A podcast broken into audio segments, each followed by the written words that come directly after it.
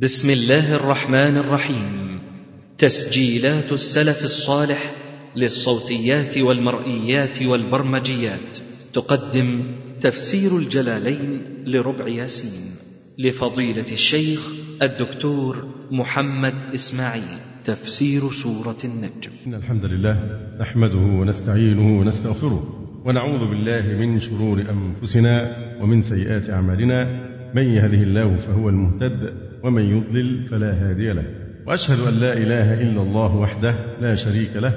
وأشهد أن محمدا عبده ورسوله.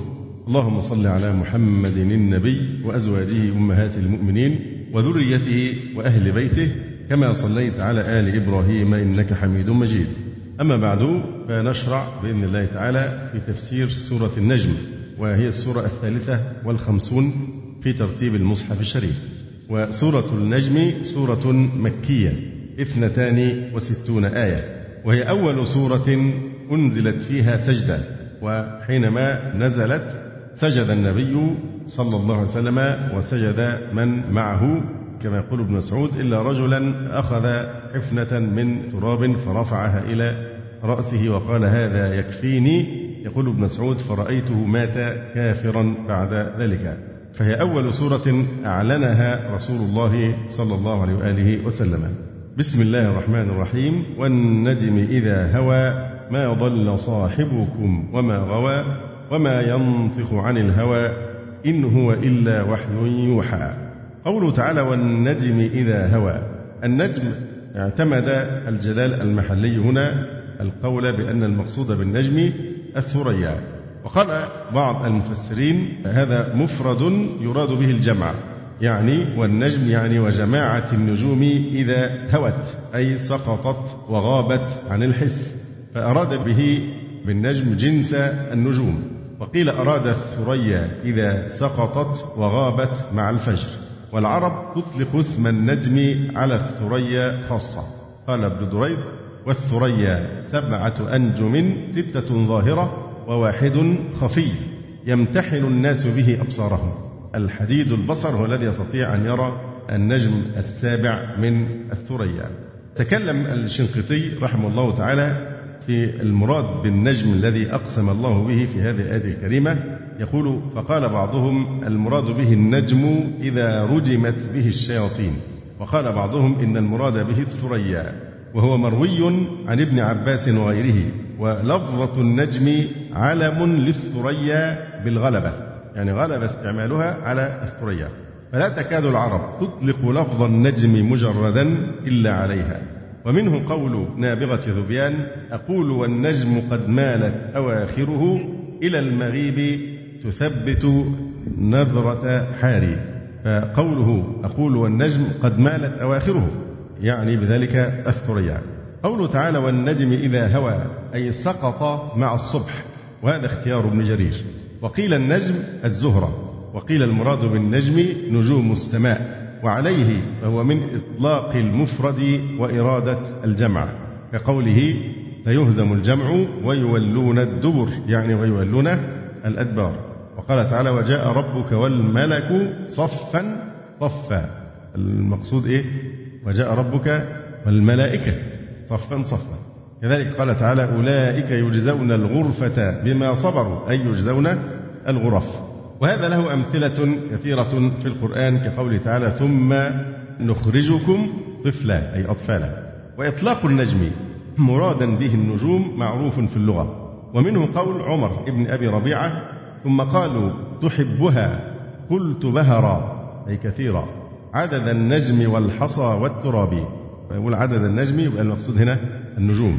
وقول الراعي فباتت تعد النجم في مستحيرة سريع بأيدي الآكلين جمودها. وعلى هذا القول أن النجم يراد به جنس النجوم أو مجموعة النجوم. فمعنى هوي النجوم سقوطها إذا غربت أو انتثارها يوم القيامة. وقيل النجم النبات الذي لا ساق له.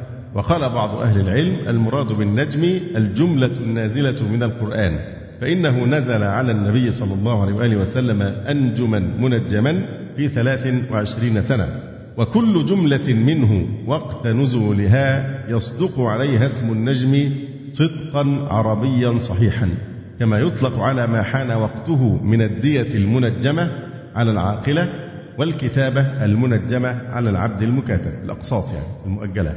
وعلى هذا فقوله إذا هوى أي إذا نزل به الملك من السماء إلى النبي صلى الله عليه وسلم.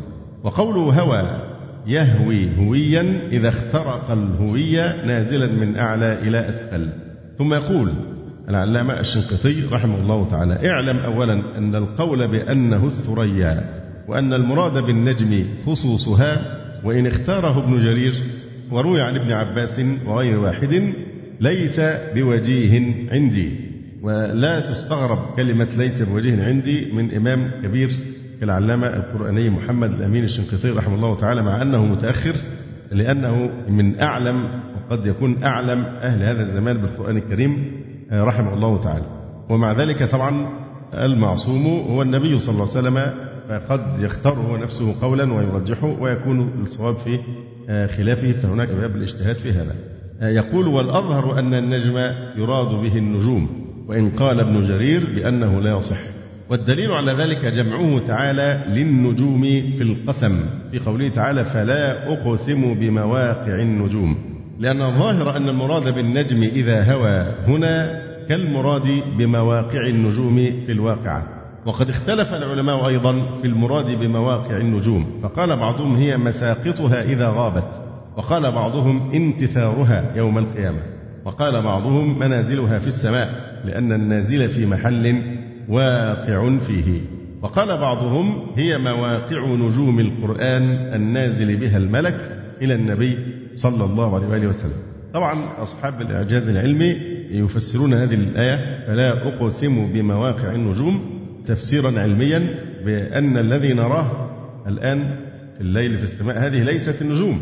إنما هي مواقع النجوم التي لا شك أنها ارتحلت من أماكنها منذ ملايين السنين الضوئية. الضوء إلى أن يأخذ يقطع هذه المسافة الشاسعة الرهيبة إلى أن يصل الأرض بيكون النجم نفسه تحرك من مكانه. فالذي نراه هو مواقع النجوم على بال ما وصلت الإيه الأشعة المنبعثة من النجوم إلى الأرض تستغرق ملايين السنين الضوئية شيء يفوق العقل ويفوق الخيال. فمن ثم أقسم الله سبحانه وتعالى بمواقع النجوم التي نرى الآن مواقعها لكننا ليست هي نفسها لأنها تتحرك. على أي الأحوال ليست تحقيق هذه المسألة موضعه الآن يعني لكن الشنقيطي يميل إلى أن النجم هنا يقصد به النجوم والنجوم هنا يراد بها مواقع نجوم القرآن. القرآن نزل منجما على دفعات هذا هو المقسم به هنا كالمقسم به في رأيه في سورة الواقعة فلا أقسم بمواقع النجوم.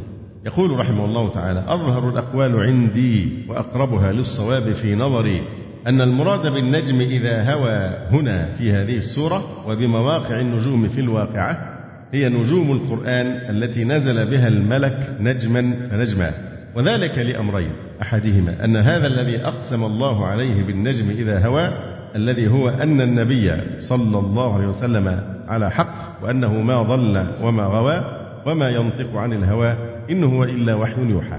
موافق في المعنى لما أقسم عليه بمواقع النجوم وهو قوله إنه لقرآن كريم في كتاب مكنون لا يمسه إلا المطهرون تنزيل من رب العالمين. والإقسام بالقرآن على صحة رسالة النبي صلى الله عليه وسلم وعلى صدق القرآن العظيم وأنه منزل من الله جاء موضحا في آيات من كتاب الله. كقوله تعالى ياسين والقرآن الحكيم إنك لمن المرسلين على صراط مستقيم تنزيل العزيز الرحيم. وقوله تعالى حاميم والكتاب المبين إنا جعلناه قرآنا عربيا لعلكم تعقلون وإنه في أم الكتاب لدينا لعلي حكيم. وخير ما يفسر به القرآن القرآن. والثاني أن كون المقسم به المعبر عنه بالنجوم هو القرآن العظيم أنسب لقوله بعده وإنه لقسم لو تعلمون عظيم. لأن هذا التعظيم من الله يدل على أن هذا المقسم به في غاية العظمة. ولا شك أن القرآن الذي هو كلام الله أنسب لذلك من نجوم السماء ونجم الأرض والعلم عند الله تبارك وتعالى. أيضا نفس هذه الآية الكريمة تكلم فيها الإمام ابن القيم رحمه الله تعالى حين قال أقسم سبحانه بالنجم عند هويه على تنزيه رسوله وبراءته صلى الله عليه وسلم مما نسبه إليه أعداؤه من الضلال والغي. واختلف الناس في المراد بالنجم فقال الكلبي عن ابن عباس أقسم بالقرآن إذا نزل منجما على رسوله أربع آيات وثلاثا والسورة وكان بين أوله وآخره عشرون سنة وكذلك روى عطاء عنه واختاره الفراء. وعلى هذا فسمى القرآن نجما لتفرقه في النزول والعرب تسمي التفرق تنجما والمفرق نجما ونجوم الكتاب أقساطها. ويقول جعلت مالي على فلان نجوما منجمة. كل نجم كذا وكذا يعني كل قسط وأصل هذا أن العرب كانت تجعل مطالع منازل القمر ومساقطها مواقيت لحلول ديونها وأجلها. فيقولون إذا طلع النجم يعني يريدون بذلك الثريا إذا طلع النجم حل عليك الدين. ومنه قول زهير في دية جعلت نجوما على العاقل. ينجمها قوم لقوم غرامة ولم يهرقوا ما بينهم ملء محجم ثم جعل كل تنجم تفريقا وإن لم يكن مؤقتا بطلوع نجم. قوله تعالى والنجم إذا هوى. على هذا القول أي نزل من علو إلى سفل قال أبو زيد هوى. العقاب تهوي هويا إذا انقضت على صيد أو غيره. وكذلك قال ابن الأعرابي وفرق بين الهوى لقوله والدلو في إصعادها عجل الهوى. وقال الليث العامة تقول الهوي بالضم في مصدر هوى يهوي. وكذلك قال الأصمعي هوى يهوي هو بفتح الهاء إذا سقط إلى أسفل. قال وكذلك الهوي في السير إذا مضى. وها هنا أمر يجب التنبيه عليه. غلط فيه أبو محمد بن حزم. أقبح غلط. فذكر في أسماء الرب تعالى الهوي واحتج بما في صحيح مسلم من حديث أم المؤمنين عائشة رضي الله تعالى عنها أن رسول الله صلى الله عليه وسلم كان يقول في سجوده سبحان ربي الأعلى الهوي. فظن أبو محمد أن الهوي صفة الرب وهذا من غلطه رحمه الله. وإنما الهوية على وزن فعيل اسم لقطعة من الليل. يقال مضى هوي من الليل على وزن فعيل ومضى هزيع منه أي طرف وجانب. وكان يقول سبحان ربي الأعلى في قطعة من الليل وجانب منه. وقد صرحت بذلك في اللفظ الآخر فقالت كان يقول سبحان ربي الأعلى الهوي من الليل. مش معناه أن الأعلى هو الهوي وأن الهوي اسم من أسماء الله تبارك وتعالى. يقول ابن القيم عدنا إلى قوله والنجم إذا هوى. قال ابن عباس في رواية علي بن أبي طلحة وعطية يعني الثريا إذا سقطت وغابت. وهو الرواية الأخرى عن مجاهد والعرب إذا أطلقت النجم تعني به الثريا. قال فباتت تعد النجم. وقال أبو حمزة اليماني يعني النجوم إذا انتشرت يوم القيامة. المفروض انتثرت. وقال ابن عباس في رواية عكرمة يعني النجوم التي ترمى بها الشياطين إذا سقطت في آثارها عند استراق السمع. وهذا قول الحسن وهو أظهر الأقوال. ويكون سبحانه قد أقسم بهذه الآية الظاهرة المشاهدة التي نصبها الله سبحانه آية وحفظا للوحي من استراق الشياطين له. يبقى ابن القيم بيختار إيه؟ والنجم إذا هوى يعني القسم بالنجوم إذا إيه؟ رميت بها الشياطين عند استراق السمع حراسة للسماء وحراسة للوحي. فابن القيم يرى أن هذه الآية أقسم الله بها لأنه نصبها آية وحفظا للوحي من استراق الشياطين له على أن ما أتى به رسوله صلى الله عليه وسلم حق وصدق.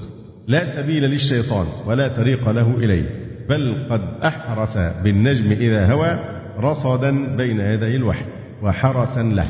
وعلى هذا فالارتباط بين المقسم به والمقسم عليه في غاية الظهور وفي المقسم به دليل على المقسم عليه.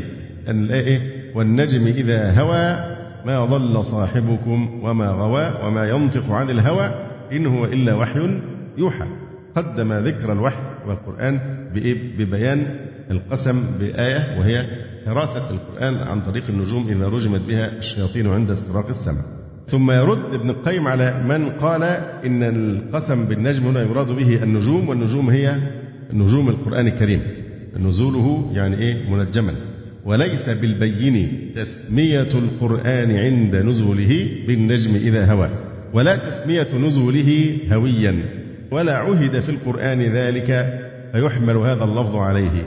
وليس بالبين تخصيص هذا القسم بالثريا وحدها إذا غابت. وليس بالبين أيضا القسم بالنجوم عند انتشارها يوم القيامة بل هذا مما يقسم الرب عليه ويدل عليه بآياته فلا يجعله نفسه دليلا لعدم ظهوره للمخاطبين ولا سيما منكر البعث فإنه سبحانه إنما استدل بما لا يمكن جحده ولا المكابرة فيه فأظهر الأقوال قول الحسن والله تعالى أعلم يعني أنها النجوم التي ترمى بها الشياطين إذا سقطت في آثارها عند استراق السمع. يقول وبين المقسم به والنجم والمقسم عليه من التناسب ما لا يخفى. فإن النجوم التي ترمي الشياطين آيات من آيات الله يحفظ بها دينه ووحيه وآياته المنزلة على رسوله. بها ظهر دينه وشرعه وأسماؤه وصفاته وجعلت هذه النجوم المشاهدة خدما وحرسا لهذه النجوم الهاوية. والنجم إذا هوى إذا هوى أي غرب. والهوي سقوط من علو. وقال الحسن البصري المراد بالنجم النجوم إذا سقطت يوم القيامة أي كقوله تعالى وإذا الكواكب انتثرت. وقد أشرنا إلى أنه جاء عن الحسن البصري القول الذي رجحه ابن القيم رحمه الله تعالى ما ضل صاحبكم وما غوى. هذه الجملة لا محل لها من الإعراب لأنها جواب القسم. ما ضل صاحبكم أي محمد صلى الله عليه وآله وسلم عن طريق الهداية. عبر بالصحبة لأنها أدل على القصد مرغبة لهم فيه. يعني هذا التعبير ما ضل صاحبكم فقد لبثت فيكم عمرا من قبله. أنتم تعرفونه خير المعرفة وليس هو غريبا عنكم فعبر بالصحبة لأنها أدل على القصد مرغبة لهم فيه ومقبلة بهم إليه ومقبحة اتهامه في إنذاره مع معرفتهم بطهارة شمائله صلى الله عليه وآله وسلم. ما ضل صاحبكم وما غوى يعني ما لابس الغي وهو جهل من اعتقاد فاسد. يقول الإمام ابن القيم رحمه الله تعالى ونفى سبحانه عن رسوله صلى الله عليه وسلم. الضلال المنافي للهدى والغي المنافي للرشاد. ففي ضمن هذا النفي الشهادة له بأنه على الهدى والرشاد. فالهدى في علمه والرشاد في عمله. وهذان الأصلان هما غاية كمال العبد وبهما سعادته وفلاحه. وبهما وصف النبي صلى الله عليه وآله وسلم خلفاءه فقال عليكم بسنتي وسنة الخلفاء الراشدين المهديين من بعدي. فالراشد ضد الغاوي والمهدي ضد الضال وهو الذي زكت نفسه بالعلم النافع والعمل الصالح وهو صاحب الهدى ودين الحق. ولا يشتبه الراشد المهدي بالضال الغاوي إلا على أجهل خلق الله وأعماهم قلبا وأبعدهم من حقيقة الإنسانية. ولله در القائل وما انتفاع أخي الدنيا بناظره إذا استوت عنده الأنوار والظلم. يعني هل يشتبه حال النبي صلى الله عليه وسلم الذي جاء بالهدى ودين الحق والذي جاء بالرشد وبالهدى؟ فهل يشتبه الراشد المهدي بالضال الغاوي؟ لا يحصل هذا الاشتباه إلا على من ختم الله على قلبه ووضع عليه الأقفال بحيث لا يخرج منه الكفر والنفاق ولا يدخل فيه الإيه؟ الإيمان. ولا يشتبه الراشد المهدي بالضال الغاوي إلا على أجهل خلق الله وأعماهم قلبا وأبعدهم من حقيقة الإنسانية. ولله در القائل وما انتفاع أخي الدنيا بناظره أي بعينه؟ إذا استوت عنده الأنوار والظلم أيوة إيه فائدة العين؟ أو بتعبير أدق إيه فائدة العقل؟ إذا كان لا يستطيع أن يميز بين الهدى وبين الضلال. يقول ابن القيم فالناس أربعة أقسام ضال في علمه غاو في قصده وعمله وهؤلاء شرار الخلق وهم مخالفو الرسل. والثاني مهتد في علمه غاو في قصده وعمله وهؤلاء هم الأمة الغضبية اليهود ومن تشبه بهم. وهو حال كل من عرف الحق ولم يعمل به. الثالث ضال في علمه ولكن قصده الخير وهو لا يشعر. الرابع مهتد في علمه راشد في قصده. وهؤلاء ورثة الأنبياء وهم وإن كانوا الأقلين عددا فهم الأكثرون عند الله قدرا وهم صفوة الله من عباده وحزبه من خلقه. ثم يقول ابن القيم وتأمل كيف قال سبحانه ما ضل صاحبكم ولم يقل ما ضل محمد صلى الله عليه وسلم. تأكيدا لإقامة الحجة عليهم بأنه صاحبهم. وهم أعلم الخلق به وبحاله وأقواله وأعماله وأنهم لا يعرفونه بكذب ولا غي ولا ضلال ولا ينقمون عليه أمرا واحدا قط. وقد دبه على هذا المعنى بقوله أم لم يعرفوا رسولهم؟ فهم له منكرون. أم لم يعرفوا رسولهم؟ بلى إنهم يعرفونه. الصادق الأمين صلى الله عليه وسلم. وقال عز وجل وما صاحبكم بمجنون. نفس المعنى. والنجم إذا هوى ما ضل صاحبكم وما غوى وما ينطق عن الهوى وما ينطق بما يأتيكم به عن الهوى يعني وما يصدر نطقه عن هوى في نفسه. إن هو إلا وحي يوحى. إن إن هنا بمعنى ما نافية يعني ما هو إلا وحي يوحى. ما إعراب يوحى؟ صفة لوحي. إن هو إلا وحي يوحى أي يوحى إليه. صلى الله عليه وآله وسلم. وهنا أيضا من المناسب أن نستطرد قليلا فيما يستفاد من هذه الآية الكريمة وهي قوله تعالى إن هو إلا وحي يوحى. فإن هذه الآية الكريمة أحد الأدلة على أن السنة وحي كالقرآن الكريم تماما. فحجية السنة النبوية أيضا معلومة من الدين بالضرورة ولا ينكرها إلا من لا حظ له في دين الإسلام. وأيضا من السهام التي تتقاطر علينا الآن كثرة الطعن في السنة الشريفة. ولأننا لا نريد أن نذهب بعيدا سنقتصر فقط على ذكر أدلة أن السنة وحي كالقرآن العظيم. فأول هذه الأدلة هذه الآية الكريمة وما ينطق عن الهوى إن هو إلا وحي يوحى يقول ابن القيم رحمه الله تعالى ولم يقل وما ينطق بالهوى لأن نطقه عن الهوى أبلغ.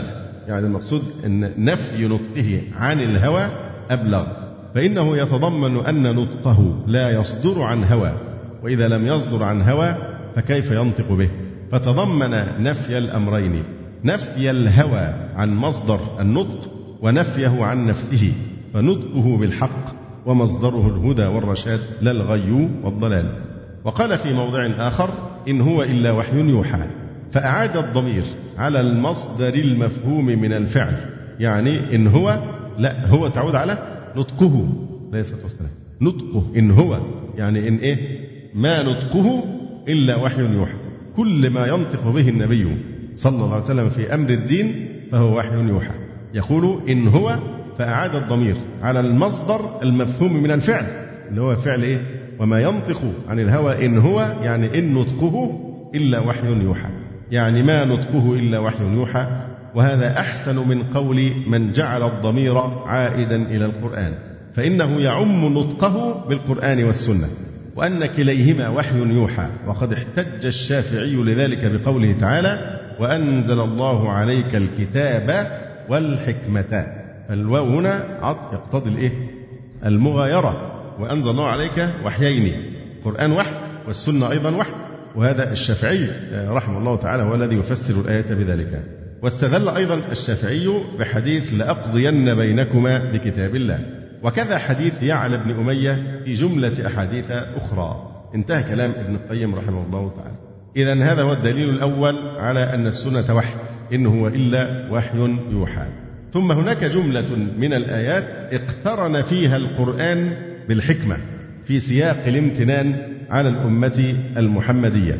ولا بد أن ننتبه هنا إلى أن متى ما قرنت الحكمة بالكتاب أو بالقرآن الكريم في سياق الامتنان على هذه الأمة المحمدية فهي قطعا السنة. لا تفسير لها غير ذلك. يعني انتبهوا للشروط لأن ممكن الحكمة ترد معاني أخرى ويعلمه الكتاب والحكمة والتوراة والإنجيل ومن يؤتى الحكمة فقد أوتي خيرا كثيرا. دي موضوع ثاني لكن كلامنا بشروط. لا يمكن أن تقترن الحكمة بالقرآن في سياق الامتنان على الأمة المحمدية إلا ويكون المقصود من الحكمة سنة النبي صلى الله عليه وسلم. انظر إلى قوله تعالى كما أرسلنا فيكم رسولا منكم يتلو عليكم آياتنا ويزكيكم ويعلمكم الكتاب والحكمة. قال تعالى أيضا ربنا وبعث فيهم رسولا منهم يتلو عليهم آياتك ويعلمهم الكتاب والحكمة. وقال عز وجل وأنزل الله عليك الكتاب والحكمة وعلمك ما لم تكن تعلم. صلى الله عليه وسلم. ويقول تعالى واذكروا نعمة الله عليكم وما أنزل عليكم من الكتاب والحكمة يعظكم به. وقال تعالى هو الذي بعث في الأميين رسولا منهم يتلو عليهم آياته ويزكيهم ويعلمهم الكتاب والحكمة. وقال عز وجل واذكرن ما يتلى في بيوتكن من آيات الله والحكمة. قال الشافعي رحمه الله سمعت من أرضى من أهل العلم بالقرآن. يقول الحكمة سنة رسول الله صلى الله عليه وسلم. يقول ابن القيم رحمه الله تعالى والكتاب هو القرآن والحكمة هي السنة باتفاق السلف. وما أخبر الرسول صلى الله عليه وسلم عن الله سبحانه فهو في وجوب تصديقه والإيمان به كما أخبر به الرب تعالى على لسان رسوله صلى الله عليه وسلم. هذا أصل متفق عليه بين أهل الإسلام لا ينكره إلا من ليس منهم. وقال الإمام ابن حزم رحمه الله قال الله عز وجل عن نبيه صلى الله عليه وسلم وما ينطق عن الهوى إن هو إلا وحي يوحى وقال تعالى آمرا نبيه صلى الله عليه وسلم أن يقول إن أتبع إلا ما يوحى إلي. سواء كان في القرآن الكريم أو في السنة. وقال تعالى إنا نحن نزلنا الذكر وإنا له لحافظون. وقال تعالى وأنزلنا إليك الذكر لتبين للناس ما نزل إليه قوله تعالى إنا نحن نزلنا الذكر وإنا له لحافظون. هذه يراد به إيه؟ القرآن والسنة معا. ولذلك لما قيل للإمام عبد الله بن مبارك رحمه الله تعالى هذه الأحاديث الموضوعة. إيه الحل مع الأحاديث الموضوعة؟ الضعيفة قال تعيش لها الجهابذة. إنا نحن نزلنا الذكر وإنا له لحافظون. فاستدل بهذه الآية على حفظ الله عز وجل سنة النبي صلى الله عليه وآله وسلم. أما هذه الآية الكريمة وأنزلنا إليك الذكر لتبين للناس ما نزل إليه.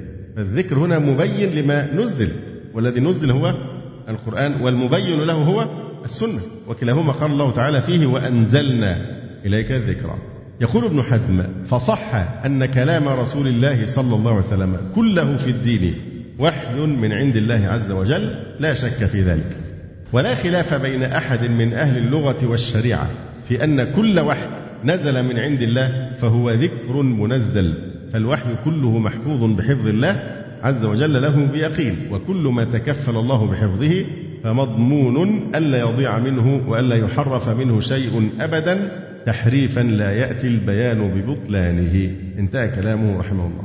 قوله تعالى لا تحرك به لسانك لتعجل به إن علينا جمعه وقرآنه فإذا قرأناه فاتبع قرآنه ثم إن علينا بيانه. ثم إن علينا بيانه يعني إظهاره بلسانك فتقرأه كما أقرأك جبرائيل. وعلينا كذلك تبيين ما فيه من الأحكام. ثم إن علينا بيانه. السنة هي المذكرة التفسيرية للقرآن الكريم. تبين أو من أنواع السنة ما يأتي مبينا للقرآن الكريم. ثم إن علينا بيانه.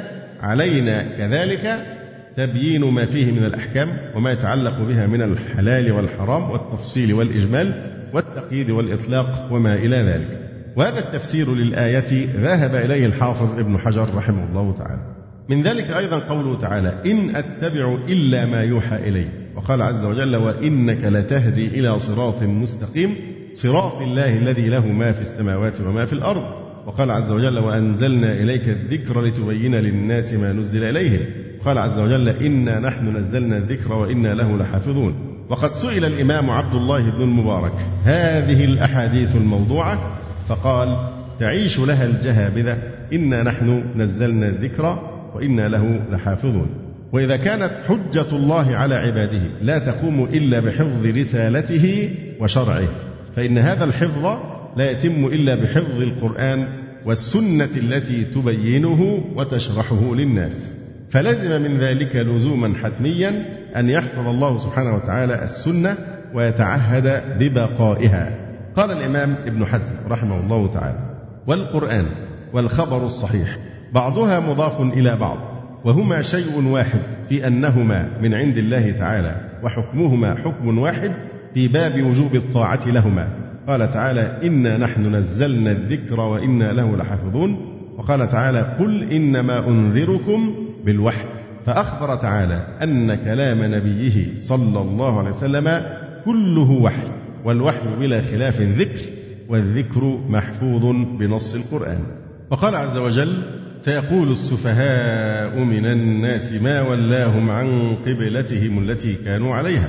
قل لله المشرق والمغرب يهدي من يشاء إلى صراط مستقيم. وكذلك جعلناكم أمة وسطا لتكونوا شهداء على الناس ويكون الرسول عليكم شهيدا. انتبهوا جيدا. وما جعلنا القبلة التي كنت عليها. بالجعل هنا شرعي أم قدري؟ شرعي. وما جعلنا يعني ما شرعنا. وما جعلنا القبلة التي كنت عليها. إذا من الذي شرع التوجه إلى بيت المقدس؟ أين الدليل من القرآن؟ لا الدليل من القرآن يأمر المسلمين بالتوجه في الصلاة إلى بيت المقدس. لا يوجد في القرآن دليل يدل على أن الله أمر المؤمنين بالتوجه إلى بيت المقدس. ومع ذلك يقول الله سبحانه وتعالى وما جعلنا من الذي جعل؟ الله عز وجل. طيب أين شرع الله ذلك؟ في السنة. فهذا دليل واضح جدا من القرآن الكريم على حجية السنة وأن السنة وحي من عند الله تبارك وتعالى. وما جعلنا القبلة التي كنت عليها إلا لنعلم من يتبع الرسول ممن ينقلب على عقبيه وإن كانت لكبيرة إلا على الذين هدى الله إلى آخر الآيات الكريمة. هذه الآيات نزلت عند تحويل القبلة من بيت المقدس إلى الكعبة، وهي تدلنا على أن التوجه إلى بيت المقدس كان مشروعا من قبل، وأن النبي صلى الله عليه وآله وسلم مع ميله الشديد إلى التوجه إلى الكعبة قد نرى تقلب وجهك في السماء فلنولينك قبلة ترضاها فول وجهك شطر المسجد الحرام إلى آخره. فمع ميله الشديد إلى التوجه إلى الكعبة لكونها قبلة آبائه لم يتوجه إليها بل كان ملتزما التوجه إلى بيت المقدس هو وأصحابه صلى الله عليه وسلم. وتدلنا أيضا على أن التزامهم ذلك كان حقا وصوابا واجبا عليهم قبل التحويل وهي مع ذلك لم تشرع التوجه إلى بيت المقدس لأنها إنما نزلت في نهاية العمل به وهي إنما تشرع التوجه إلى الكعبة. وليس هناك آية أخرى في القرآن الكريم تبين لنا حكم التوجه إلى بيت المقدس فدلنا هذا كله على أن النبي صلى الله عليه وآله وسلم وأصحابه كانوا عاملين بحكم لم ينزل به القرآن وأن عملهم هذا كان حقا وواجبا عليهم. إذا كان التوجه إلى بيت المقدس بوحي غير القرآن. وما جعلنا القبلة التي كنت عليها. هذا دليل واضح جدا على حجية السنة وأنها وحي كالقرآن الكريم. أما أدلة السنة الشريفة على أن السنة وحي فمنها قول النبي صلى الله عليه وسلم ألا إني أوتيت القرآن ومثله معه. ألا يوشك رجل شبعان على أريكته. يعني إشارة إلى الطرف والبطالة أن الناس لا تتجشم المشقة في طلب العلم ولا الرحلة في طلب الأحاديث ولا معاناة تصحيح الأسانيد وتعقب الرجال ونحو ذلك كما كان شأن أئمة هذا الشأن. فهؤلاء أصحاب الترف والدعة لزموا البيوت وقعدوا عن طلب العلم. ألا إني أوتيت القرآن ومثله معه. ألا يوشك رجل شبعان على أريكته. دي الفرقة الفرقة الضالة التي أخبر النبي صلى الله عليه وسلم بظهورها هي فرقة إيه؟ قرآنيين. هو بيحسبوا إن كلمة القرآنيين دي يعني إيه؟ مظلة يستترون تحتها حتى لا يقذفهم أحد بالحجارة حتى لا يرجموا. لكن ما يغني عنهم انتسابهم للقرآن لأن العصمة من الضلال علقت على شرطين على أمرين. تركت فيكم ما تمسكتم به لن تضلوا بعدي أبدا كتاب الله وسنتي. فالضمان والتأمين من الوقوع في الضلال لابد من إيه؟ من الاثنين معا. فالقرآنيون الضالون يتسترون وراء لفظة القرآن ليزينوا وجههم القبيح ويخدعوا الناس. فهؤلاء هم الضالون القرآنيون الذين تنبأ النبي صلى الله عليه وسلم بظهورهم فيما بعد. العصمة من الضلال لابد من القرآن والسنة معا. لا القرآن وحده يكفي ولا السنة وحدها تكفي بل لابد من إيه؟ ما علق على أمرين لا يتم بإيه؟ بأحدهما. ألا إني أوتيت القرآن ومثله معه؟ ألا يوشك رجل شبعان على أريكته؟ يقول عليكم بهذا القرآن فما وجدتم فيه من حلال فأحلوه وما وجدتم فيه من حرام فحرموه وإنما حرم رسول الله صلى الله عليه وآله وسلم كما حرم الله. إلى آخر الحديث. وعن العرباض بن سارية أيضا أن النبي صلى الله عليه وسلم قال أيحسب أحدكم متكئا على أريكته؟ قد يظن أن الله لم يحرم شيئا إلا ما في هذا القرآن. ألا وإني والله قد أمرت ووعظت ونهيت عن أشياء إنها لمثل هذا القرآن أو أكثر.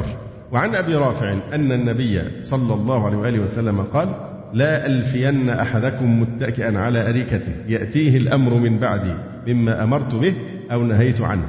فيقول ما أدري ما وجدناه في كتاب الله اتبعناه.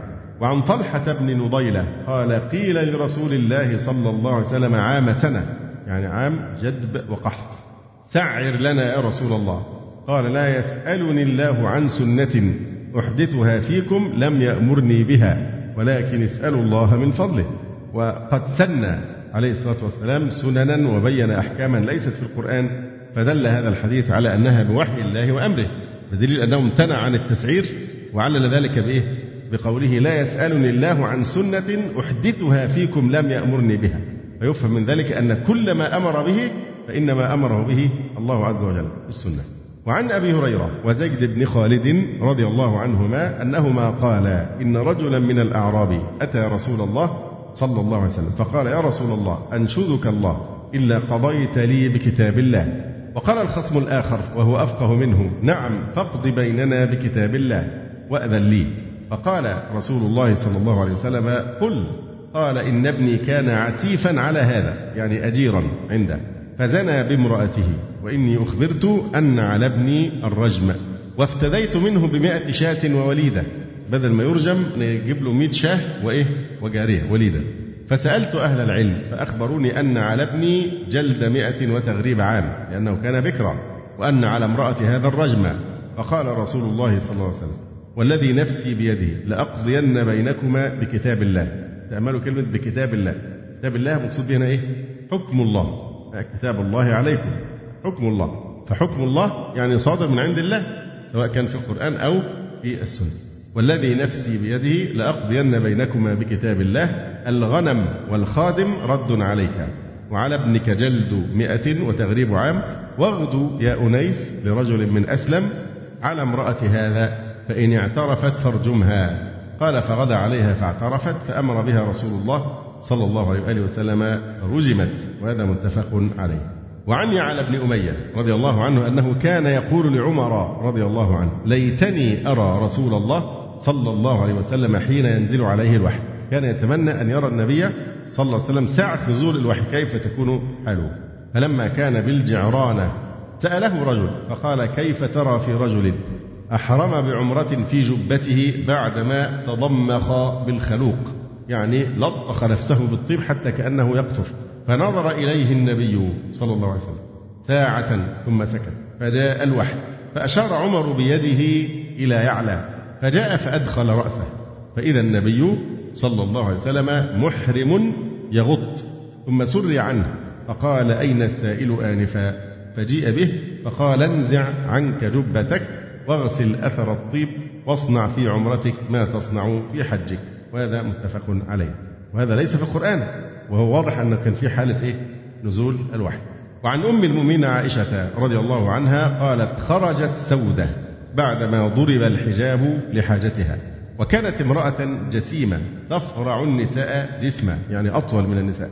لا تخفى على من يعرفها. فرآها عمر بن الخطاب رضي الله عنه فقال يا سودة أما والله ما تخفين علينا فانظري كيف تخرجين. قالت فانكفأت راجعة ورسول الله صلى الله عليه وسلم في بيتي وإنه لا يتعشى وفي يده عرق.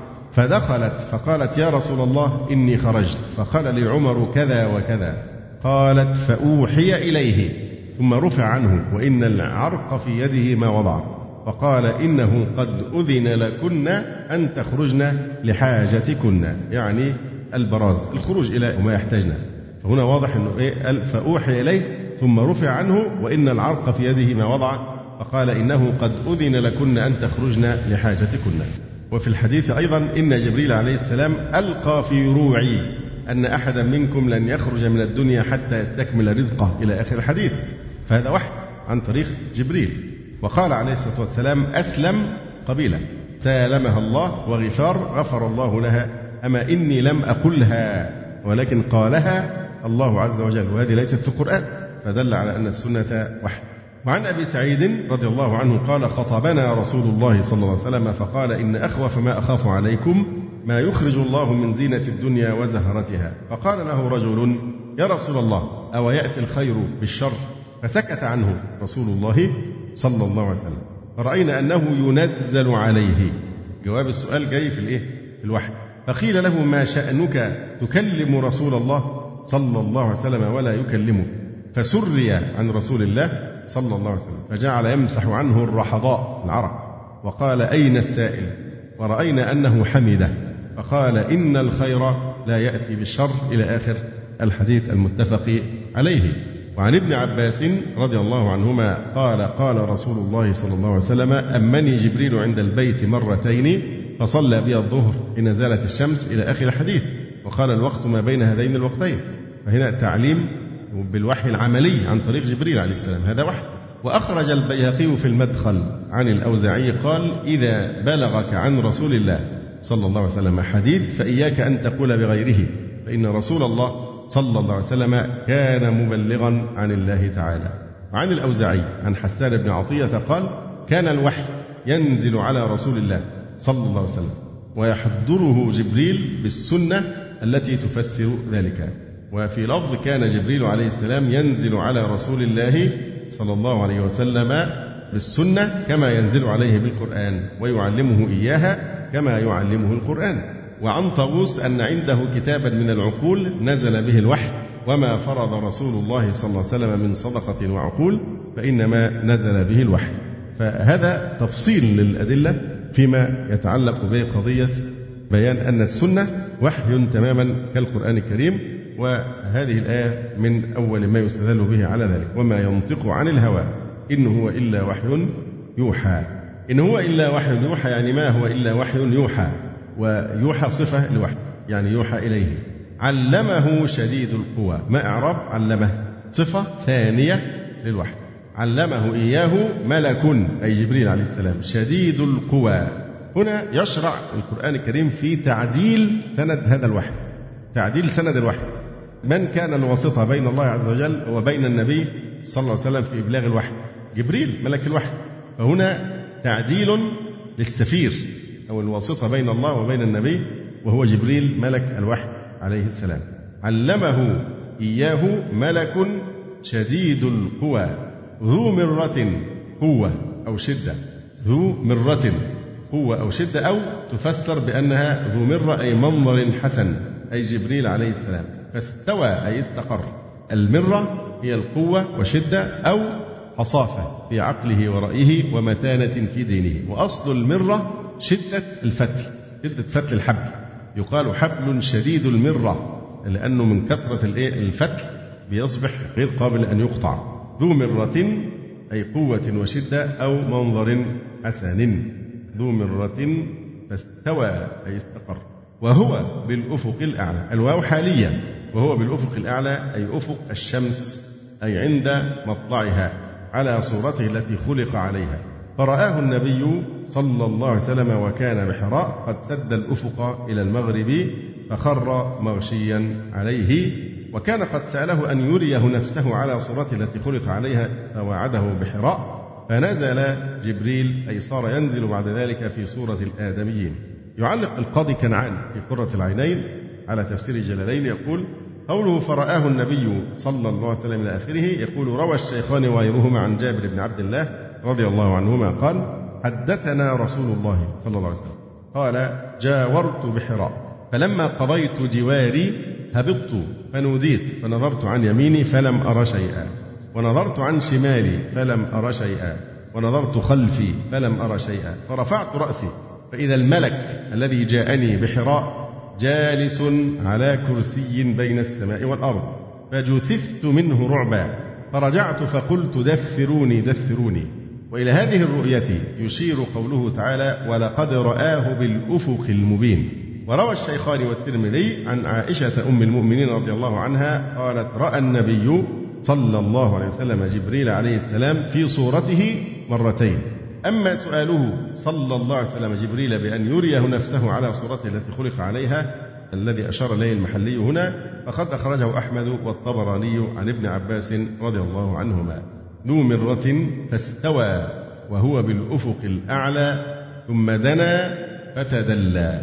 ثم دنا أي قرب منه فتدلى أي زاد في القرب. والتدلي الامتداد من علو إلى سفل إخواننا الكرام في الصعيد توجد في لغتهم ألفاظ في غاية الفصاحة لأنه يبدو أنه القبائل العربية لما نزحت إلى الصعيد بعد الفتح الإسلامي يعني أثرت في لغة الصعيد. زي كلمة الدلة مش بيقولوا الدلة؟ الدلة يعني إيه؟ انزل. فالتدلي هو الامتداد من علو إلى سفل ففي بعض الألفاظ أو كثير من الألفاظ في لغة الصعيد بتكون لها أصل عربي فصيح جدا. ولذلك تكثر قبائل الأشراف والقبائل العربية في الصعيد. الصعيد لها ذكريات إسلامية جميلة جدا يعني وفي مقابر عدد كبير من الصحابة رضي الله عنهم في بعض قرى الصعيد ممن استشهدوا هنا في مصر أثناء الفتح الإسلامي رضي الله تعالى عنهم فالتدلي هو الامتداد من علو إلى سفل ومن التدلي اشتقت الدوالي التي تحمل العنب المعلق.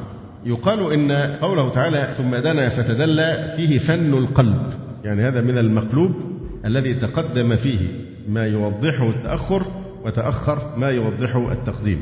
بمعنى إن إيه؟ ثم تدلى فدنا لأنه تدلى للدنو ودنا بالتدلي. فكان قاب قوسين أو أدنى فكان يعني منه قاب أي قدر قاب قدر أو مقدار قوسين أو أدنى. يقول الزجاج إن العرب قد خوطبوا على لغتهم. ومقدار فهمهم. فقيل لهم في هذا ما يقال للذي يحدد. فالمعنى فكان على ما تقدرونه أنتم قدر قوسين أو أقل من ذلك.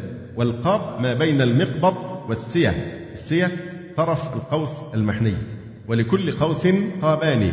وقال بعضهم فكان قاب قوسين أراد فكان قابي قوس. فقلبه إذا تقدير الكلام هنا فكان مقدار مسافة قربه مثل قاب قوسين فكان قاب قوسين أو أدنى يبقى تقدير الكلام فكان مقدار اللي هي معنى قاب فكان مقدار مسافة قربه مثل قاب قوسين فحذفت ثلاثة من اسم كان وواحد من خبرها.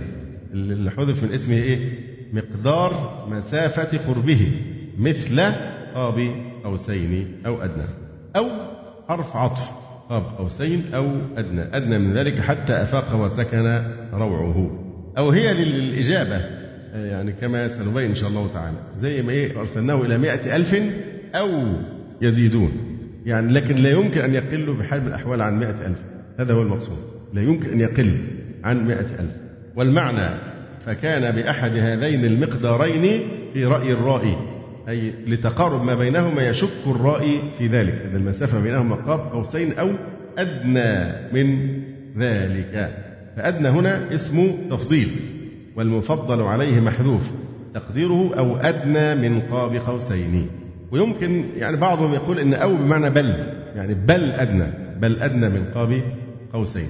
نتوقف هنا قليلا مع هذه الآية الكريمة يقول الإمام ابن القيم رحمه الله تعالى ثم أخبر تعالى عن وصف من علمه الوحي والقرآن. مما يعلم أنه مضاد لأوصاف الشيطان معلم الضلال والغواية. مدح الإيه؟ لسند القرآن الكريم وهو جبريل عليه السلام. ثم أخبر تعالى عن وصف من علمه الوحي والقرآن. الذي علم النبي عليه السلام القرآن هو من؟ جبريل عليه السلام. بخلاف الكذابين الدجالين كالقدياني هذا الأثيم مجرم الأثيم أو أمثاله من الكذابين المفترين قل, هل أنبئكم على من تنزل الشياطين تنزل على كل أفاك أثيم. فهؤلاء نعم يعني غلام أحمد القدياني أو المرزا غلام أحمد فعلا كان يوحى إليه. نحن ما ننكر أنه كان يوحى إليه لكن من الذي يوحي إليه؟ وإن الشياطين لا يوحون إلى أوليائهم ليجادلوكم. فهو وحي لكنه وحي شيطاني.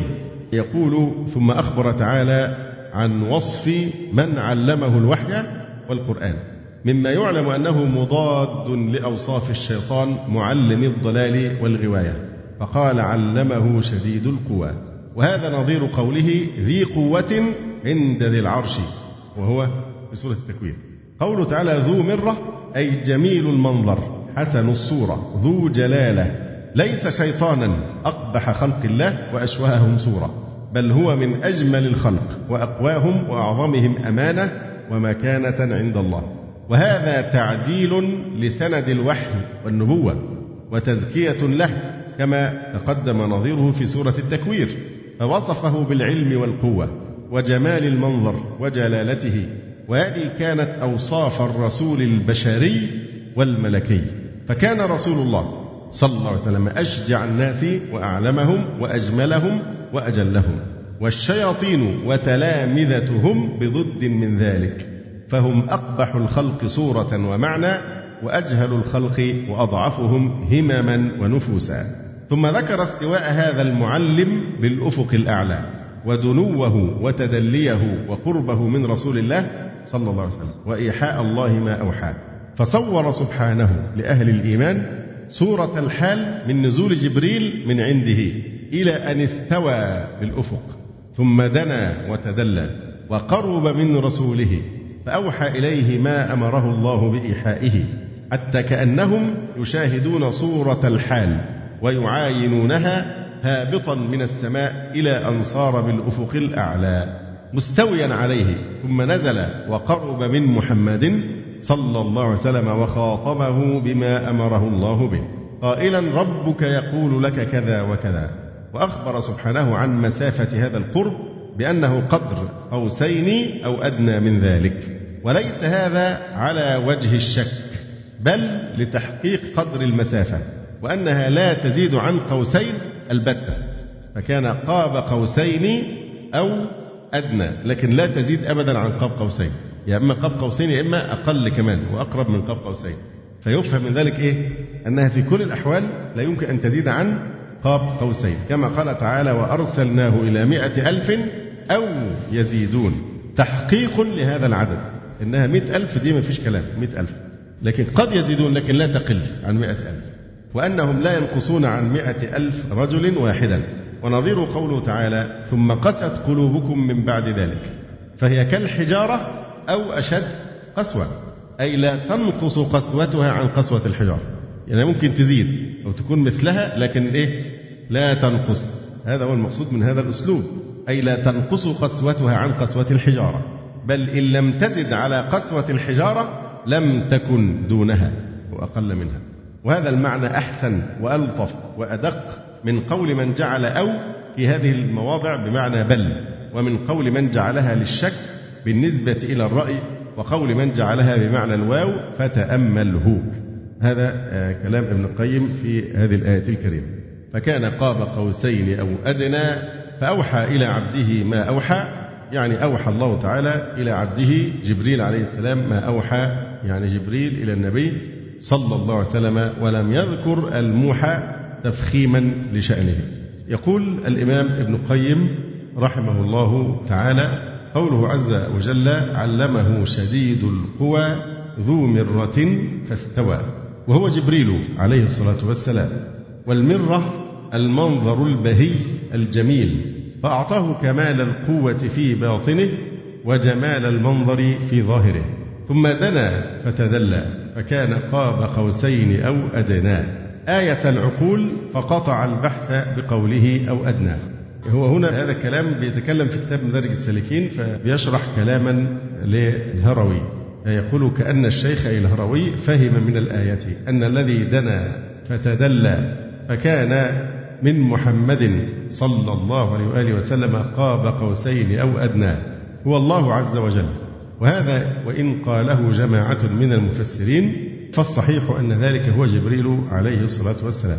أن بعض المفسرين ذهبوا إلى أن الذي دنا فتدلى هو الله تبارك وتعالى.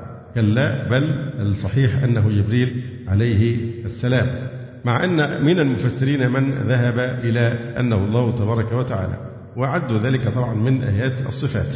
فالصحيح أن ذلك هو جبريل عليه الصلاة والسلام فهو الموصوف بما ذكر من أول السورة إلى قوله ولقد رآه نزلة أخرى عند سدرة المنتهى هكذا فسره النبي صلى الله عليه وآله وسلم في الحديث الصحيح. قالت أم المؤمنين عائشة رضي الله عنها سألت رسول الله صلى الله عليه وآله وسلم عن هذه الآية. فقال جبريل ولقد رآه نزلة أخرى عند سدرة المنتهى. سألت رسول الله صلى الله عليه وسلم عن هذه الآية فقال جبريل لم أره في صورته التي خلق عليها إلا مرتين. ولفظ القرآن لا يدل على غير ذلك من وجوه.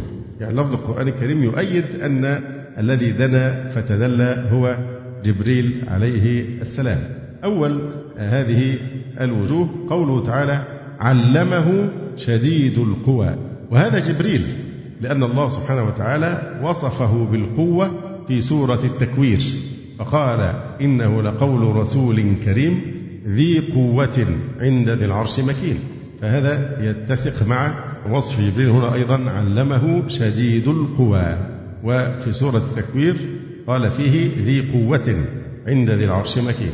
الوجه الثاني أنه قال ذو مرة ذو مرة أي حسن الخلق وهو نفس الوصف المذكور في سورة التكوير في قوله تبارك وتعالى كريم إنه لقول رسول كريم. الوجه الثالث أنه قال ذو مرة فاستوى وهو بالأفق الأعلى.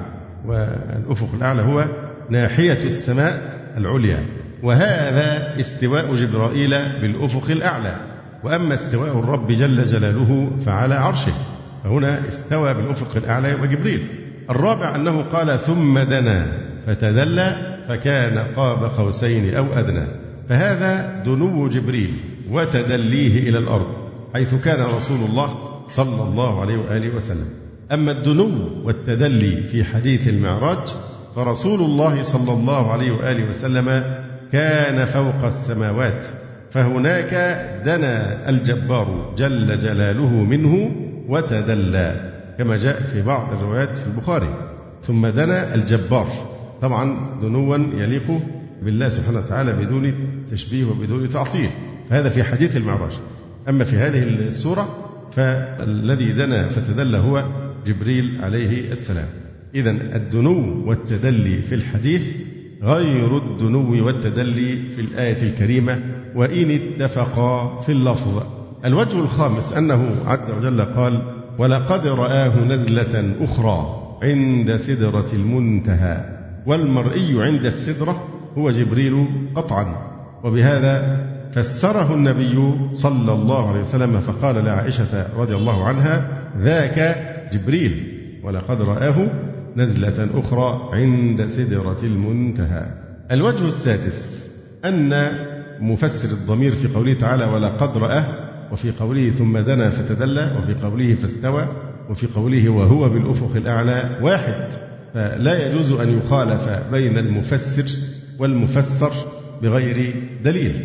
فهذا كله يفسر بعضه بعضا فالذي جاء فيه ولقد رأى والذي جاء فيه ثم دنا فتدلى فاستوى وهو بالأفق الأعلى واحد. هذا كله يفسر أنه جبريل عليه السلام. الوجه السابع أنه سبحانه وتعالى ذكر في هذه السورة الرسولين الكريمين الملكي والبشري. ونزه البشري عن الضلال والغواية ما ضل صاحبكم صاحبكم إشارة إلى الرسول البشري محمد صلى الله عليه وسلم. فنزه البشرية عن الضلال والغواية ما ضل صاحبكم وما غوى. ونزه الملكية عن أن يكون شيطانا قبيحا ضعيفا بل هو قوي كريم حسن الخلق وهذا نظير الوصف المذكور في سورة التكوير سواء. الوجه الثامن أنه أخبر هناك أنه رآه بالأفق المبين ولقد رآه بالأفق المبين. وها هنا أخبر أنه رآه بالأفق الأعلى وهو واحد وصف بصفتين. فهو مبين وهو أعلى. فإن الشيء كلما علا بان وظهر. الوجه التاسع أنه قال ذو مرة والمرة الخلق الحسن المحكم. فأخبر عن حسن خلق الذي علم النبي صلى الله عليه وآله وسلم ثم ساق الخبر كله عنه نسقا واحدا. فكل السياق في شأن جبريل عليه السلام. الوجه العاشر أنه لو كان خبرا عن الرب تبارك وتعالى لكان القرآن قد دل على أن رسول الله صلى الله عليه وآله وسلم رأى سبحانه وتعالى مرتين. يكون نص من القرآن على أن النبي رأى ربه مرتين. ولقد رآه بالأفق المبين ولقد رآه نزلة أخرى عند سدرة المنتهى. ففي هذه الحالة لو كان الأمر كذلك لم يقل النبي صلى الله عليه وسلم لأبي ذر وقد سأله هل رأيت ربك؟ فقال نور أن أراه. فكيف يخبر القرآن أنه رآه مرتين ثم يقول رسول الله صلى الله عليه وسلم أن أراه وهذا أبلغ من قوله لم أره لأنه مع النفي يقتضي الإخبار عن عدم الرؤية فقط لكن عبارة أن أراه تتضمن نفي الرؤية وتتضمن طرفا من الإنكار على السائل كأنه يقول كيف تسأل هذا السؤال؟ أن أراه.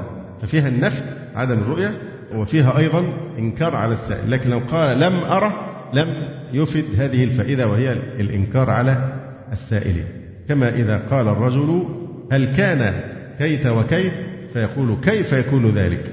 الوجه الحادي عشر أنه لم يتقدم للرب جل جلاله ذكر يعود الضمير عليه في قوله ثم دنا فتدلى.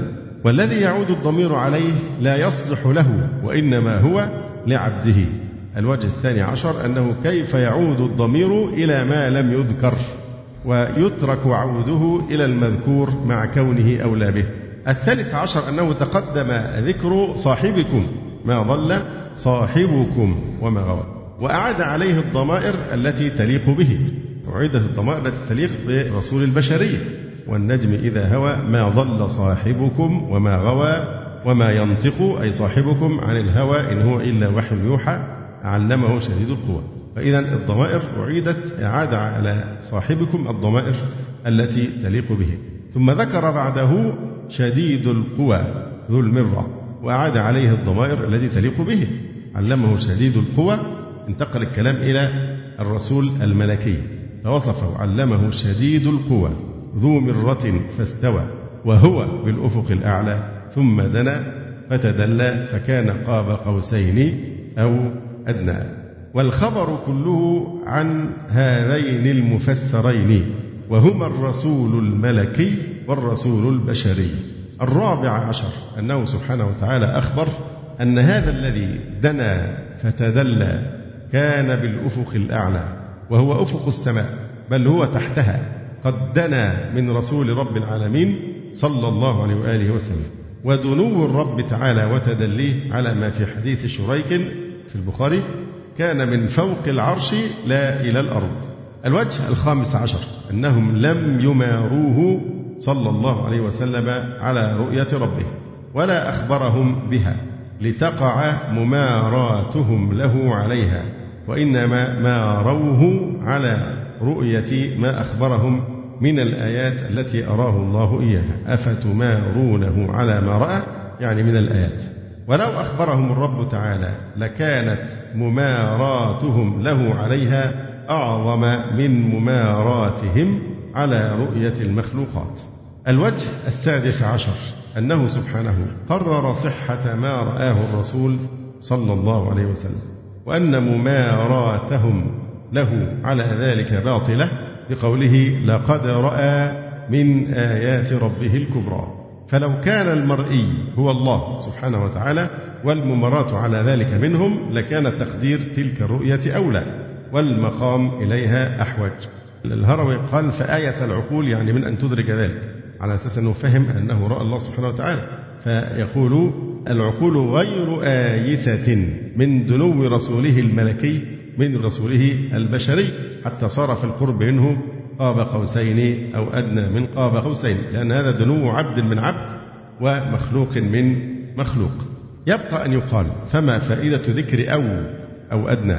فيقال هي لتقرير المذكور قبلها وأن القرب إن لم ينقص عن قدر قوسين لم يزد عليهما. وهذا كقوله وأرسلناه إلى مائة ألف أو يزيدون والمعنى أنهم إن لم يزيدوا على المائة ألف لم ينقصوا عنها. فهو تقرير لنصية عدد المائة الألف. فتأمله. يقول الجلال المحلي رحمه الله تعالى فأوحى إلى عبده فأوحى أي تعالى إلى عبده جبريل. ما أوحى يعني جبريل إلى النبي صلى الله عليه وسلم. ولم يذكر الموحى إليه تفخيما لشأنه. فهذا فن الإيه؟ الإبهام. فأوحى إلى عبده ما أوحى. فهذا فيه فن الإبهام. وكأنه أعظم من أن يحيط به بيان فأبهم الأمر الذي أوحاه إلى عبده وجعله عاما.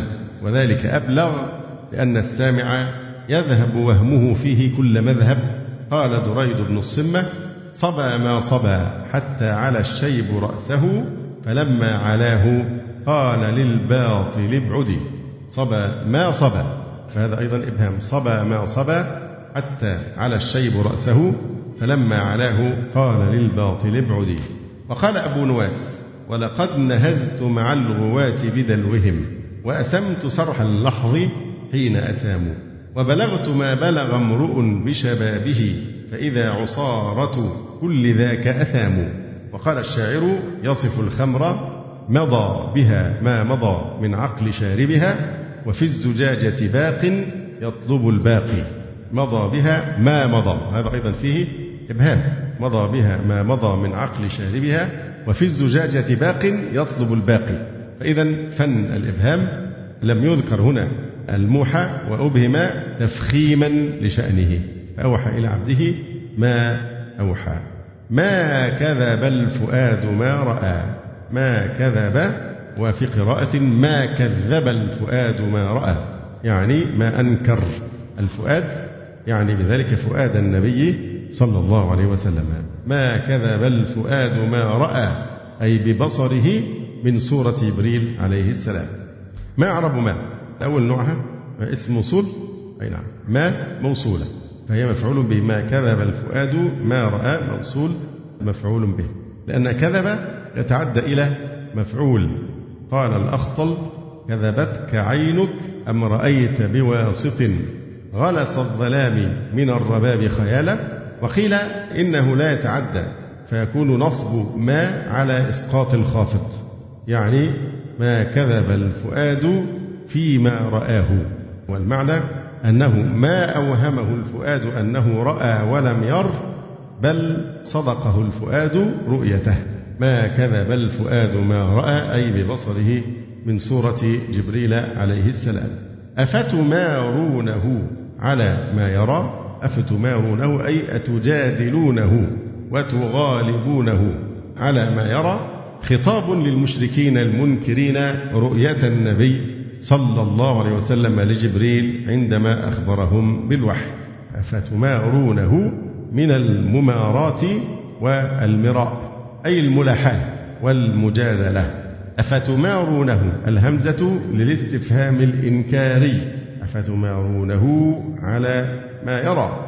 كان من حقه أن يتعدى بفيه. يبقى أفتمارونه فيما يرى.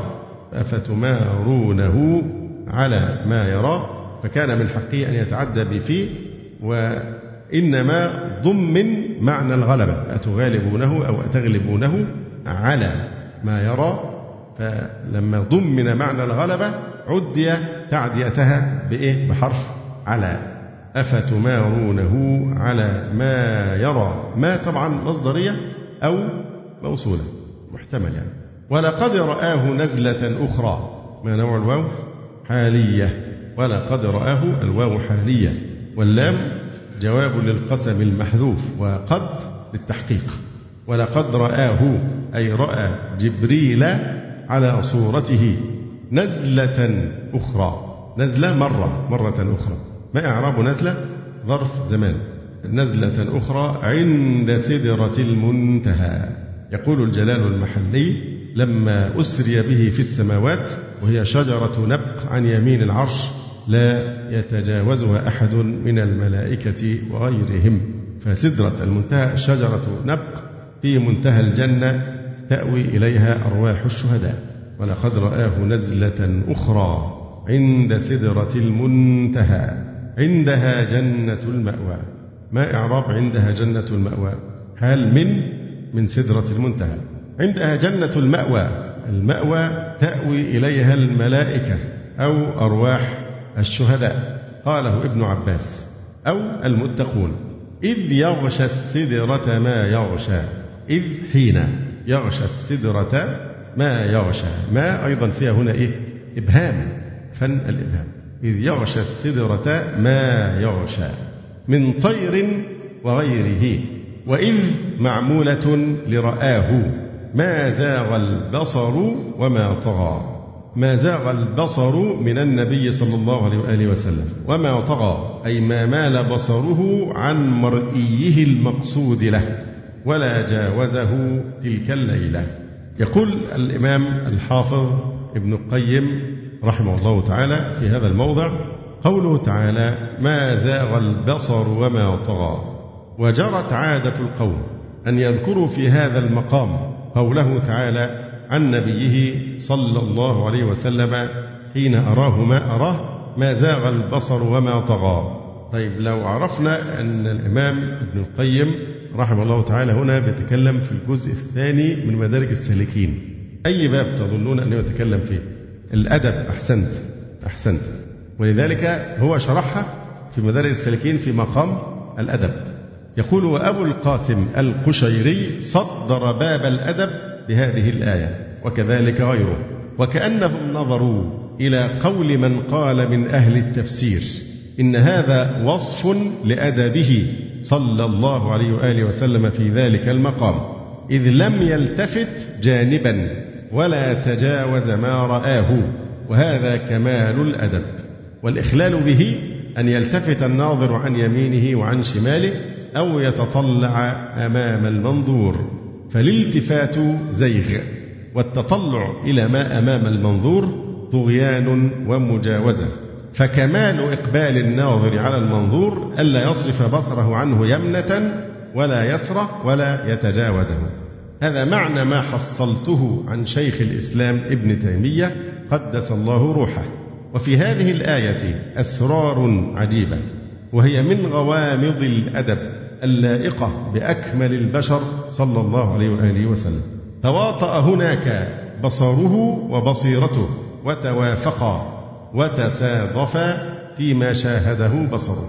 فالبصيرة مواطئة له وما شاهدته بصيرته فهو أيضا حق مشهود بالبصر. فتواطأ في حقه مشهد البصر والبصيرة.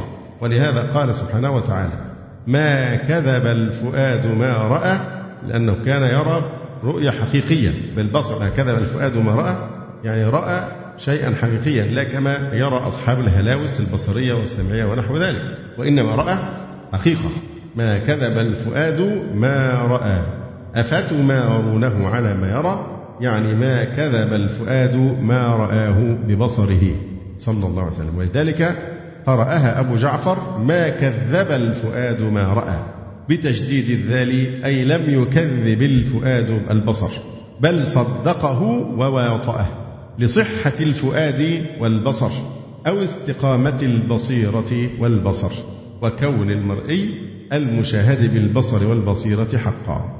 وقرأ الجمهور ما كذب الفؤاد ما رأى بالتخفيف وهو متعد وما رأى مفعوله أي ما كذب قلبه ما رأته عيناه. بل واطأه ووافقه فلمواطأة قلبه لقالبه وظاهره لباطنه وبصره لبصيرته لم يكذب الفؤاد البصر ولم يتجاوز البصر حده فيطغى ولم يمل عن المرئي فيزيغ بل اعتدل البصر نحو المرئي ما جاوزه ولا مال عنه كما اعتدل القلب في الإقبال على الله والإعراض عما سواه فإنه أقبل على الله بكليته وللقلب زيغ وطغيان كما للبصر زيغ وطغيان وكلاهما منتف عن قلبه وبصره صلى الله عليه وسلم فلم يزغ قلبه التفاتا عن الله إلى غيره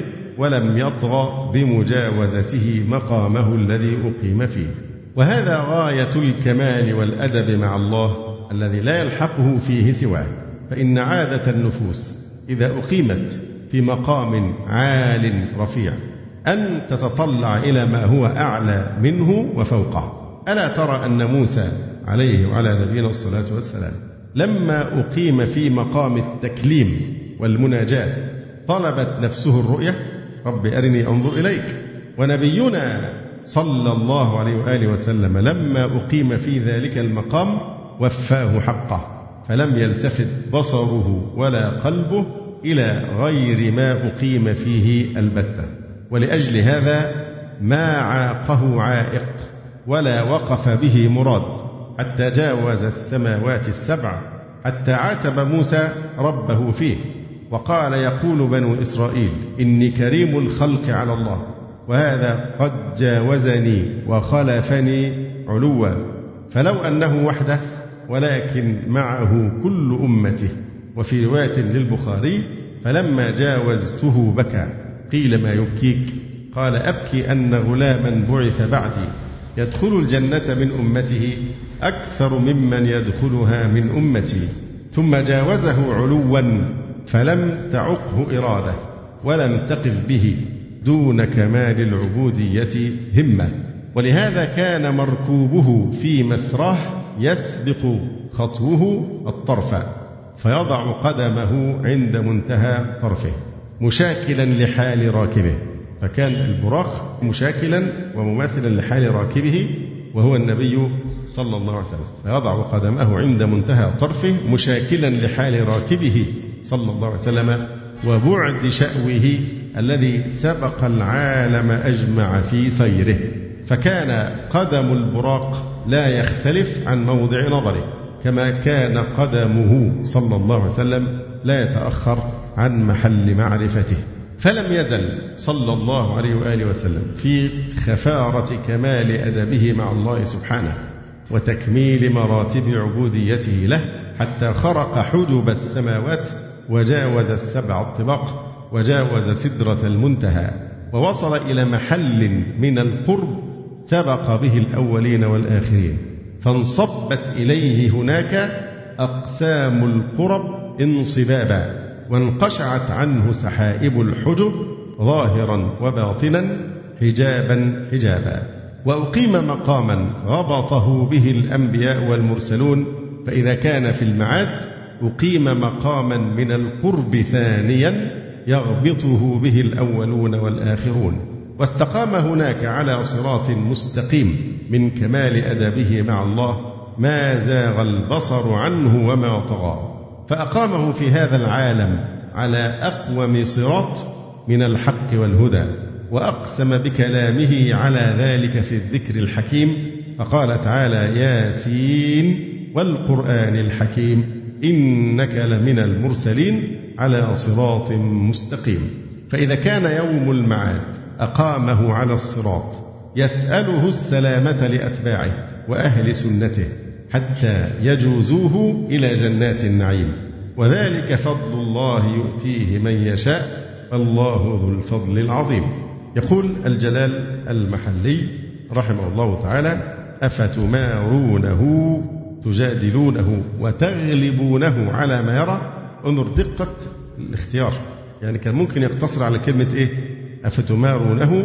أتجادلونه على ما يرى. لكن شفعها بقوله إيه؟ وتغلبونه. لماذا؟ لأن أفتمارونه ضمنت معنى الإيه؟ الغلبة. فلذلك هو جابها عشان يلفت النظر إلى هذا التضمين. قال في تفسير تجادلونه وتغلبونه على ما يرى. فضمنت بما يوافق معنى الإيه؟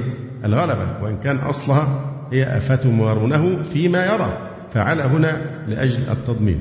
أفتمارونه تجادلونه وتغلبونه على ما يرى؟ خطاب للمشركين المنكرين رؤية النبي صلى الله عليه وسلم لجبريل عندما أخبرهم بالوحي.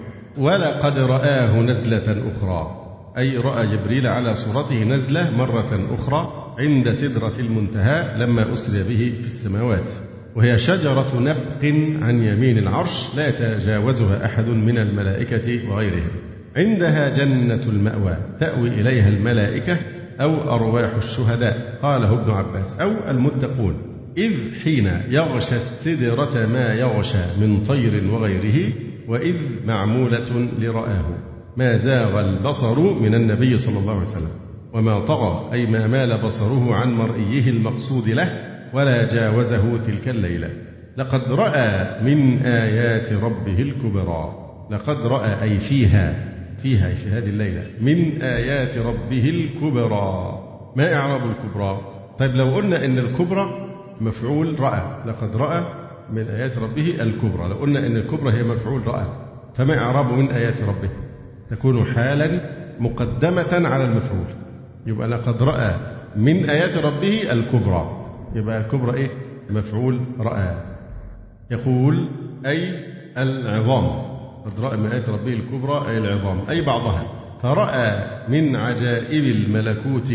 هو طبعا الكبرى ممكن تكون صفة لآيات ربه. لقد رأى من آيات ربه الكبرى. فالكبرى صفة لآيات وليس مفعولا به قول آخر يعني. يعني ممكن نقول لقد رأى من آيات ربه الكبرى. فيبقى لقد رأى الكبرى من آيات ربه. فالتقدير أنه لقد رأى الآيات الكبرى حال كونها من جملة آيات ربه. ويحتمل أن تكون الكبرى صفة آيات ربه لا مفعولا به. ويكون المرئي محذوفا لتضخيم الأمر. يبقى لقد رأى من آيات ربه الكبرى لكن هي تكون الكبرى صفة لآيات ربه وليس مفعولا به. ويكون المرئي هنا محذوفا لتضخيم الأمر وتعظيمه. كأنه قال لقد رأى من آيات ربه الكبرى أمورا عظاما لا يحيط بها الوصف والحذف في مثل هذا أبلغ وأهول لأن فيه تفخيما لآيات الله الكبرى وأن فيها ما رآه وفيها ما لم يره. أما على الوجه الأول اللي هي نعرب الكبرى مفعول لرأى فيكون مقتضاه أنه رأى جميع الآيات الكبرى. لقد رأى من آيات ربه الكبرى من هذه الآيات. يبقى كأنه رأى جميع الآيات الكبرى على الشمول والعموم. مع أن آيات الله تبارك وتعالى مما لا يحيط أحد بجملتها. فالأوجه أن يقال إن المفعول هنا محذوف وأن الكبرى صفة لإيه؟ لآيات. لقد رأى من آيات ربه الكبرى وحذف ما الذي رآه حتى يذهب الوهم كل مذهب في تخيله. ثم يقول لقد رأى فيها من آيات ربه الكبرى أي العظام أي بعضها أي بعضها من فرأى من عجائب الملكوت رفرفا أي بساطا أخضر قد سد أفق السماء ورأى جبريل له ستمائة جناح رواهما البخاري. ثم يقول تعالى أفرأيتم اللات والعزى ومناة الثالثة الأخرى. يقول أفرأيتم اللات والعزى. اللات هي لما نشوفها في الرسم المصحف التاء واحدة مفردة. هو بعض الناس قرأها اللات بتجديد التاء لأن أصل اشتقاق اللات من الذي يلت. فاللات بتجديد التاء صنم كانت العرب تعظمه. سمي باسم الذي كان يلت عنده السويق بالسمن. ثم خفف. بعد ذلك خفف اللات. سمي باسم هذا الشخص الذي كان يأتي في هذا المكان بيلت السويق بالسمن والسويق هو طعام يتخذ من مدقوق الحنطة والشعير. دقيق الحنطة والشعير. سمي به لانسياقه في الحلق. لانسياقه وانسيابه بسهولة في الحلق. ويقال لت السويق يعني خلطه بسمن أو غيره. ويقال لت العجين. أي بله بشيء من الماء. وتقول فلان يلت ويعجن. كلمة فصيحة. فلان يلت ويعجن. إذا كان ثرثارا يبدئ ويعيد فيما يقول. لأن اللي بيعجن بيكرر عملية الإيه؟ اللت. اللي هي خلط الدقيق بالسمن أو بنحوه. إذا اللات أو اللات صنم كانت العرب تعظمه. سمي بالذي كان يلت عنده السويق بالسمن ثم خفف مع الاستعمال خفف أصبح اللات. أما العزى فهي فعلى من العز وهي تأنيث الأعز كالفضلى والأفضل وهي اسم صنم. وقد بعث رسول الله صلى الله عليه وآله وسلم خالد بن الوليد رضي الله عنه فقطعها فخرجت منها شيطانة ناشرة شعرها داعية ويلها. واضعة يدها على رأسها فجعل يضربها بالسيف حتى قتلها. وهو يقول يا عز كفرانك لا سبحانك إني رأيت الله قد أهانك. أما مناة في قوله تعالى ومناة الثالثة الأخرى فهي صخرة كانت لهذيل وخزاعة مشتقة من منى يمنى أي صب لأن دماء النسائك كانت تصب عندها. فهنا قوله تعالى أفرأيتم اللات والعزى؟ ومناة الثالثة؟ ثالثة بالنسبة للتين قبلها. الأخرى صفة ذم للثالثة وهي أصنام من حجارة. كان المشركون يعبدونها ويزعمون أنها تشفع لهم عند الله. ومفعول أفرأيتم الأول اللات وما عطف عليه والمفعول الثاني محذوف. والمعنى هي أفرأيتم معناها هي أفرأيتم. آه أخبروني. أرأيت يعني أخبرني. اسم فعل أمر بمعنى أخبرني. والمعنى أخبروني. ألي هذه الأصنام قدرة على شيء ما فتعبدوها دون الله القادر على ما تقدم؟ ألكم الذكر وله الأنثى؟ لما زعموا أيضا أن الملائكة بنات الله مع كراهتهم للبنات نزل قوله تعالى ألكم الذكر وله الأنثى؟ تلك إذا قسمة ضيزى يعني جائرة من ضازه يضيزه إذا ضامه وظلمه وجار عليه. إن هي إلا أسماء يعني ما المذكورات إلا أسماء سميتموها أي سميتم بها أنتم وآباؤكم أصناما تعبدونها. ما أنزل الله بها أي بعبادتها من سلطان أي حجة وبرهان. إن يتبعون يعني ما يتبعون في عبادتها إلا الظن وما تهوى الأنفس. مما زين لهم الشيطان من أنها تشفع لهم عند الله تعالى. ولقد جاءهم من ربهم الهدى على لسان النبي صلى الله عليه وآله وسلم بالبرهان القاطع فلم يرجعوا عما هم عليه. أم للإنسان ما تمنى فلله الآخرة والأولى. نكتفي بهذا القدر أقول قولي هذا. واستغفر الله لي ولكم. سبحانك اللهم ربنا وبحمدك أشهد أن لا إله إلا أنت أستغفرك وأتوب إليك. وفي الختام تقبلوا تحيات إخوانكم في تسجيلات السلف الصالح بالإسكندرية. هاتف رقم صفر ثلاثة فاصل أربعة تسعة أربعة سبعة ستة خمسة اثنان. والتليفون محمول صفر عشرة واحد ستة أربعة واحد تسعة ثمانية صفر. والسلام عليكم ورحمة الله وبركاته.